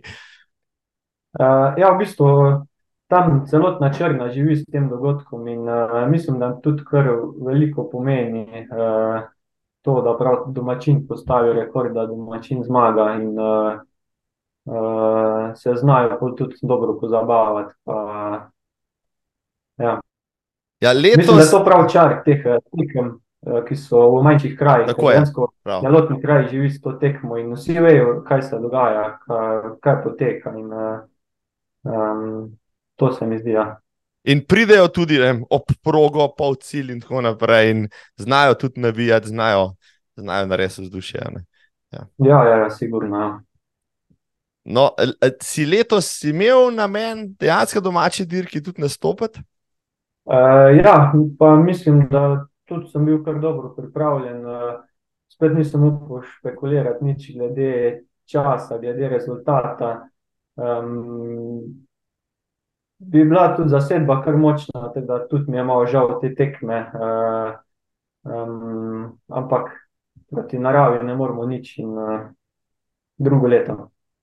Ja, doma si spremljal tudi prevale, kar so kar prizadele te poplave. Kje so tebe ujele, recimo, si bil doma, si bil na dopustu takrat? Uh, ne, sem bil doma, ampak smo, mi smo v bloku, tako da m, dejanskih poplav nismo občutili, ampak uh, sem bil na voljo celoten teden, eh, tako da smo, smo pomagali, smo delali tudi v Črni, um, ker uh, v bistvu so bili, so bili problemi uh, tudi pri sorodnikih od Urške, tako da uh, ja. Mislim, grozno je pogledati potem tiste ja, fotografije, filmčke iz Črne, ko se je glavna ulica spremenila praktično v, v, v, v, v reko, v strugo in tako naprej, vsi tisti nanosi, vsa tista, mislim, grozno, kako se spremeni kraj, zdaj ti si tam doma, že tam okrog treniraš, se življenje vrača počasi v stire pred uh, poplavami. Uh, ja, počasi se vračam, ampak mislim, da sploh za to infrastrukturo bo kar nekaj časa še potrebno, da, da se vzpostavi, da zaživi nazaj in uh, čas bo potrebno. Uh, uh, ljudje živijo, kolikor se le da, uh, ampak ostalo pa bo treba s časom, skozi leta. Ja. Si, zdaj si najbrž že bil kaj na Uršli gori, morda tudi vem, na Radohi, na Peci, vem, da je tudi tam odneslo cel kupenih poti, pa vlak. Uh, ja, v bistvu iz teh mojih koncev izpreval, ja, dejansko iz Črne, tam Peca, Radoha, pa tam pa še, tam pa še ne. Uh, je kar problem ja, z dostopom, z, z pot, uh, poti in vse skupaj. Uh, tako da tudi glede vidika, naprimer K24, verjetno tudi uh, tam je odneslo par poti, par cest. Uh, da bo tudi tam potrebna še sanacija. Ja, do avgusta naslednje leto je še nekaj časa, verjamemo, da bo K24 v letu 24 res nekaj posebenega, no, in da bo ne s posebnim nabojem, žarom se spet, se spet vrnil na sceno. Ja, to si, si želimo. Uh, najbrž tudi, ne, še vedno uh, aktualni prvak in rekorder Jon Lichtenegger, Vidmajer. Zdaj si za eno leto so, se ti je korona zdaj podaljšala. Evo, tako, ja. Ja, ja. Pa mislim, da bi kar bil rekord v nevarnosti leto, vse po zasedbi, priznam. No, no, no, zdaj, ja, evo. Dajmo počakati na drugo leto. Dajmo počakati leto 24, ja, na olimpijsko leto 24, evo, na K24, ja, simbolika. Uh, par excellence, zdaj po tem letu si rekel, si šel na obalo ravno zaradi tega, da si odklukal eno stotko. Ja? ja, se pravi, po, tam, po neuspelem poskusu v Ukrajinski gori sem se potem odločil, da, da končam vse eno stotko letos, uh, kot se spodobi. In, uh, obala je bila še edina, edina možnost tu na domačih tleh. In, uh, sem se poskušal čim bolj pripraviti na to, še na to zadnjo tekmo. Uh, da nekako rešim to sezono, uh, v bistvu bi bil drugačen, brez, uh, brez rezultata. Imaš še na zmaga, kaj pa je bilo v Kranski gori, uh, kaj se je tam zgodilo? Uh, to je bil v bistvu prvi poskus na 100-milski razdalji. Uh, v bistvu me je že to um, kar izmučilo, ker smo v bistvu štartali na močni vročini v Kubaridu. In uh, me res vročina, kar pesti zmuči. Um, potem sem imel še neke težave z obutvijo, uh, kar dobro sem si razbil prste, nohte na nogah. Um, in tam po 100, 120 km sem videl, da, da, nima več, uh, da nima več smisla. Uh, da bom pač poskusil še nekdaj drugič. Lekcija za prihodnje se, ja. se ti je nekaj, najbrž nekaj naravnega, no, da pač na ultrateku, slej ko prej tudi pride do kakšnega odstopa, da to moraš vzeti. Najbrž ni lahko sprejeti na tistem momentu te odločitve, ampak slej ko prej se temu ne moreš izogniti. Ja. V bistvu v teh treh letih sem ugotovil, da v tem športu res morajo uh, štimati vse stvari. Polno je nekih dejavnikov, ki se morajo poklopiti. In, uh, če tega ni, eh, ne gre z glavo skozi. Je treba včasih stopiti korak nazaj, eh, se mogoče umiriti, res zadihati, pa se pripraviti na, na novo tekmo. Kaj je tvoja najljubša hrana, recimo med stotkami? Evo, če to mi zaupaj, prosim. Med stotkami. Mm, v bistvu, kaj drugega, kot pa gele, banane in čokolade, med stotkami ne, ne jem. Uh, po stotki si pa ne reš, kako pico privoščena. Zdaj, enkrat, če ni začel jesti pice med dirkami, ne. ne. Ja. Ti bo še počakal. No, ampak, uh, te kot kinezolog, pa sigurno, ok, si imel že kakšno tudi tekaško poškodbo, znaš pri sebi prej začutiti, kaj se dogaja, se je ustavljal, te pač tekmovalnost in žar vsem ponesete včasih tudi mimo tega? Uh, ne, v bistvu pridem večkrat do, do spoznanja, da v bistvu, če bi imel nekega varovanca, ki ga bi treniral, ga bi prej ustavil in uh, slal korak nazaj, da prepreči mogoče to poškodbo sebe, pa mogoče še vedno preveč potisnem naprej in uh, se še vedno prepozno ustavil, se mi zdi, preden da pride do kakšnih problemov. Uh, to je mogoče problem, ja. Ampak ta problem kovačev, ko bile ne brž prisoten pri čisto vseh, sej ja, tekmovalen, ja. brž ko ne si, ne? in ta tekmovalnost je v tebi in včasih pač zatredaš, bom rekel, tudi kakšno manjšo poškodbo za ne, rezultat ali pa. Ja, ja, ja sigurno. Uh, večkrat mogoče.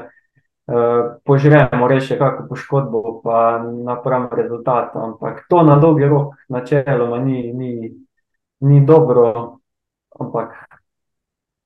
Ja, ne boš tudi sestavni del zdaj, te, tega športa, nasplošno, prej si rekel, da si naštel idole v smutku, imaš kakšne idole v, recimo, v teku, v ultratrailu. Iz vsakega tekača mogoče poskušam potegniti to, kar pri njemu cenim. In uh, to na naši slovenski sceni, uh, mogoče Tilen Potočnik, ker je res. Uh, športnik, ko se spodobi in uh, človek. Uh, um, potem tudi, mogoče ne te iz naše discipline, v, dobro poznam tudi Timoteja Bečana, še iz uh, časov na fakulteti. Um, tudi on je primer, kako usklajevati celotno družino in pa šport, vse skupaj. Um, potem mogoče, ne vem, Marjan Zupančič, glede na leta svoja. Uh, no, naštel si ja, nekaj pač vidnih imen, ja, sem jih že gostil in so um, ljudje, pred katerim ja, kapo dol, sigurno za dosežke in vse, kar počnejo pri svojih, uh, svojih letih in svojih športih. Uh, ti si str, svojih 27 let, pred tabo, še kaj bi pa rad, recimo, še poleg UTMB-ja naredil v tem športu, pa nam, 100 milka itak te še čaka. Kaj pa onkraj tega, vem, da si enkrat dejal, da kar je pa onkraj 100 mil, je pa v bistvu več ali manj hoja, to te pa niti ne zanima na tak način. Ali, kako, ali si si že premislil? Uh, ne, še vedno sem takega mnenja. Mogoče mi je vedno bolj. Uh, ponuja ideja, da bi mogoče pa odtekel kak maraton cestni. Tako da je to v bližnji prihodnosti. Tako. Ampak spet, eh, če se pojavim na štartu, da želimo teči pod 4-0 eh, tempo. Za tebe bo to šala mala, se mi zdi, glede na to, kaj počneš tam. Ne 4-0. Ti, ti bom off, eh, da rekord povedal, kam mislim, da ti ciljaš, glede na to, da je recimo, eden izmed ultrašov, ali žontar v teku maraton, že v dveh urah pa pol, ne? pa je tudi bolj domač na trailih zadnje čase, kot na cesti.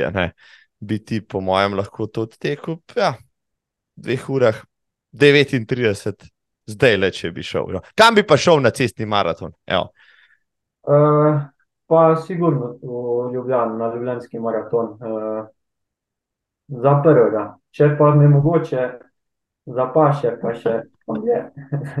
Te stari paste se, da ja, Jonu lihte ne gre, ne zapaše cesta, poste ga paš nasrkali, ja, pol pa še tam mešal štrene. Uh, Jon, kje delaš zdaj, recimo, kje si trenutno strokovno prisoten? Uh, v bistvu sem samo zaposlen, uh, imam SP, uh, bolj ali manj se ukvarjam z športniki, z kondicijsko pripravo uh, mladih športnikov, uh, tudi z vadbo po poškodbah in uh, individualnimi vadbami. To je v bistvu moje delo, trenutno um, razprešeno čez cel dan, uh, so prednosti, so slabosti, um, ampak trenutno je to edin, edina možnost. Se pravi, dela imaš, glede na to, da so se kar nekaj časa dogovarjali za tale intervju, pa da si zelo zaseden človek, dela imaš, predvidevam, več kot dovolj. Uh, ja, v bistvu zaenkrat je kar, uh, kar dovolj. Uh, mogoče res to, to me malo moti, ker imam razpotegnjen dnevnik čez, čez cel dan, ampak uh, načeloma tudi glede usklajevanja mojih treningov, to, to ni slabo. Mm, da mogoče potem v dveh delih izpeljem, izpeljem to, kar si zadam. Se pravi, a, če bi bil doma tam, kje skoroške, bi te lahko najel za uh, kineziologa, ki bi mi pošlatal kakšno kito mišico, pa mi svetoval kakšno vajo za rehabilitacijo. Ja, uh, ja res problema. No, evo, korošci in korošice, vedeti. Jon Lichtenegger za sedanje, naročite se za poleti 2024, ima še tri termine, fraj. Ja. Preden bo šel na K24, takrat bo mal, mal manj treniral, pa lahko mogoče se več ukvarja s strankami. Uh, Jon, uh, super pogovor je bil tole, vem pa, sem iskal. Tudi tvoje, rekel, fotke po spletu, sem na letu na en profil nogometnega kluba, ali si tudi nogomet igral, ali si samo pomagal kot strokovni uh, Uh, to je pa v bistvu obdobje med, uh, se pravi, takrat, ko sem končal z, alpskim smutkom, in pa do, v bistvu, do tega trenutka, ko sem začel z, z tekom. Uh, sem v bistvu svoj čas uh, uh, posvetil nogometu. Enkrat, korota, ali kako? Stroštva, ja. uh, ki je prej nisem mogel, nisem mogel uresničiti. Uh, zaradi alpskega smutanja. No, in na kateri poziciji si igral? Uh, v bistvu ne večkrat bočni branilec. Se pravi, doma si zaradi, zaradi tekaških sposobnosti. levi bočni, desni bočni. Igravc, ki je preganjal. eh, To je, Ja. to je zmeraj tisti, ki skozi laufa, pa teži. Aha. Eh, Spremljaš pa slovensko reprezentanco, ravno včeraj smo se plasirali na Evropsko prvenstvo. Ja, kolikor se le da spremljam, bolj, bolj ali manj eh, vse, vse športe. Tako Da sem tudi včeraj spremljal. Imamo kakšnega eh, igralca z vaših koncev, nisem tok na tekočem. Mislim, da trenutno igra v Domžalah, to je prav Prevalčan, uh, Luka Topalovič, 17, 17 let. Uh, tako da mislim, da bomo še slišali za njega, da se tudi počasi prebija v slovensko reprezentanco. Um, t- ti nisi bil takih aspiracij ali pa moče talenta, da bi se kdaj profiliral kot re- resen nogometaš, takrat v tistih časih, potem, ko si nehal smučati.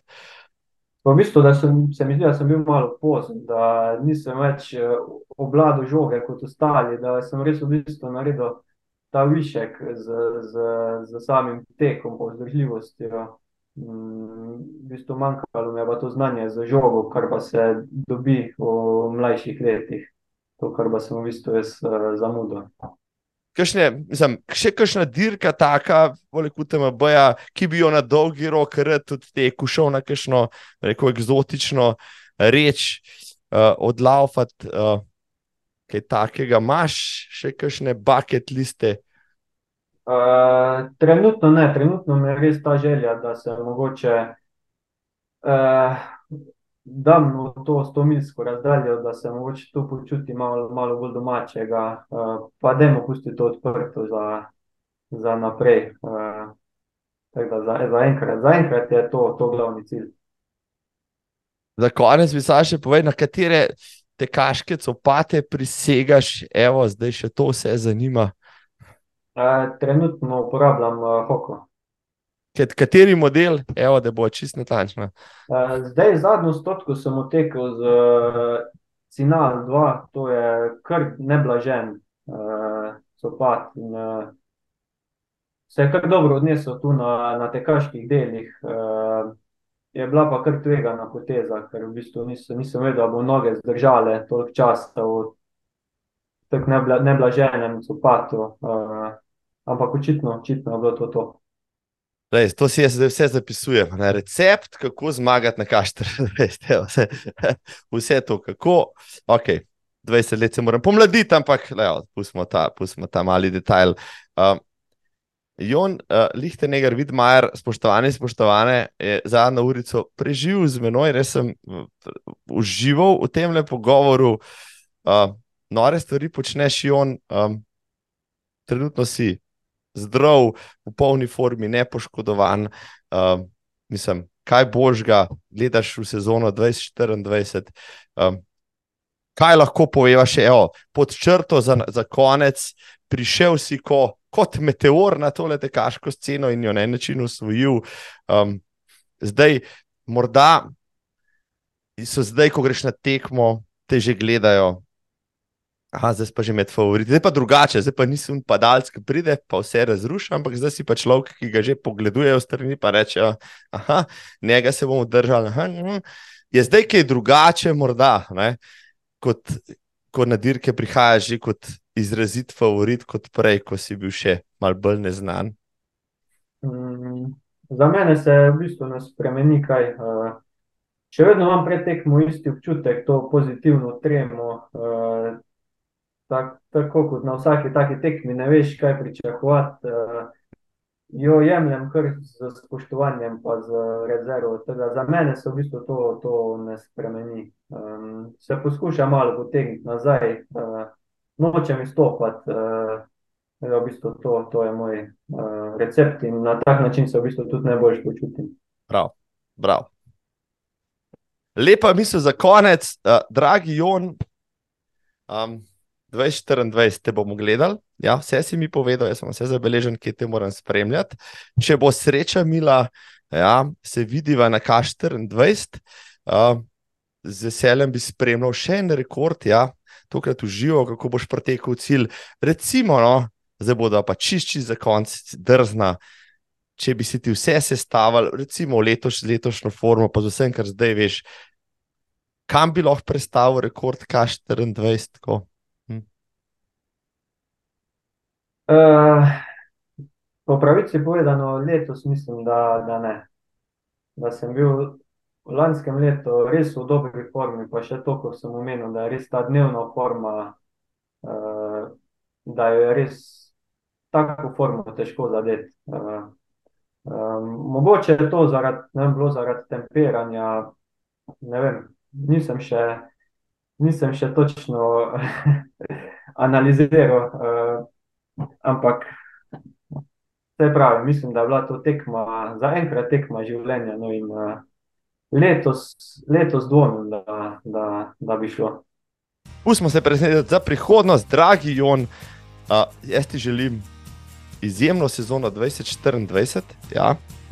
um, pa kljub temu na 100 milki, še kakšno zanimivo zmago, jasno, ne?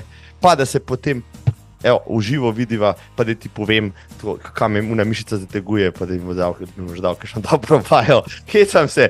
Ja, Jon Lichtenegger, Vidmajer. Hvala za tvoj čas, za tvoje uh, rekel, super insajte v svet ultrateka in vsega ostalega. Tako je minila urca. Super, hvala za povabilo, pa upam, da se vidimo kaj v živo. Pozdrav na prevalje, Evo, se vidimo v 2024. Adijo. Čau.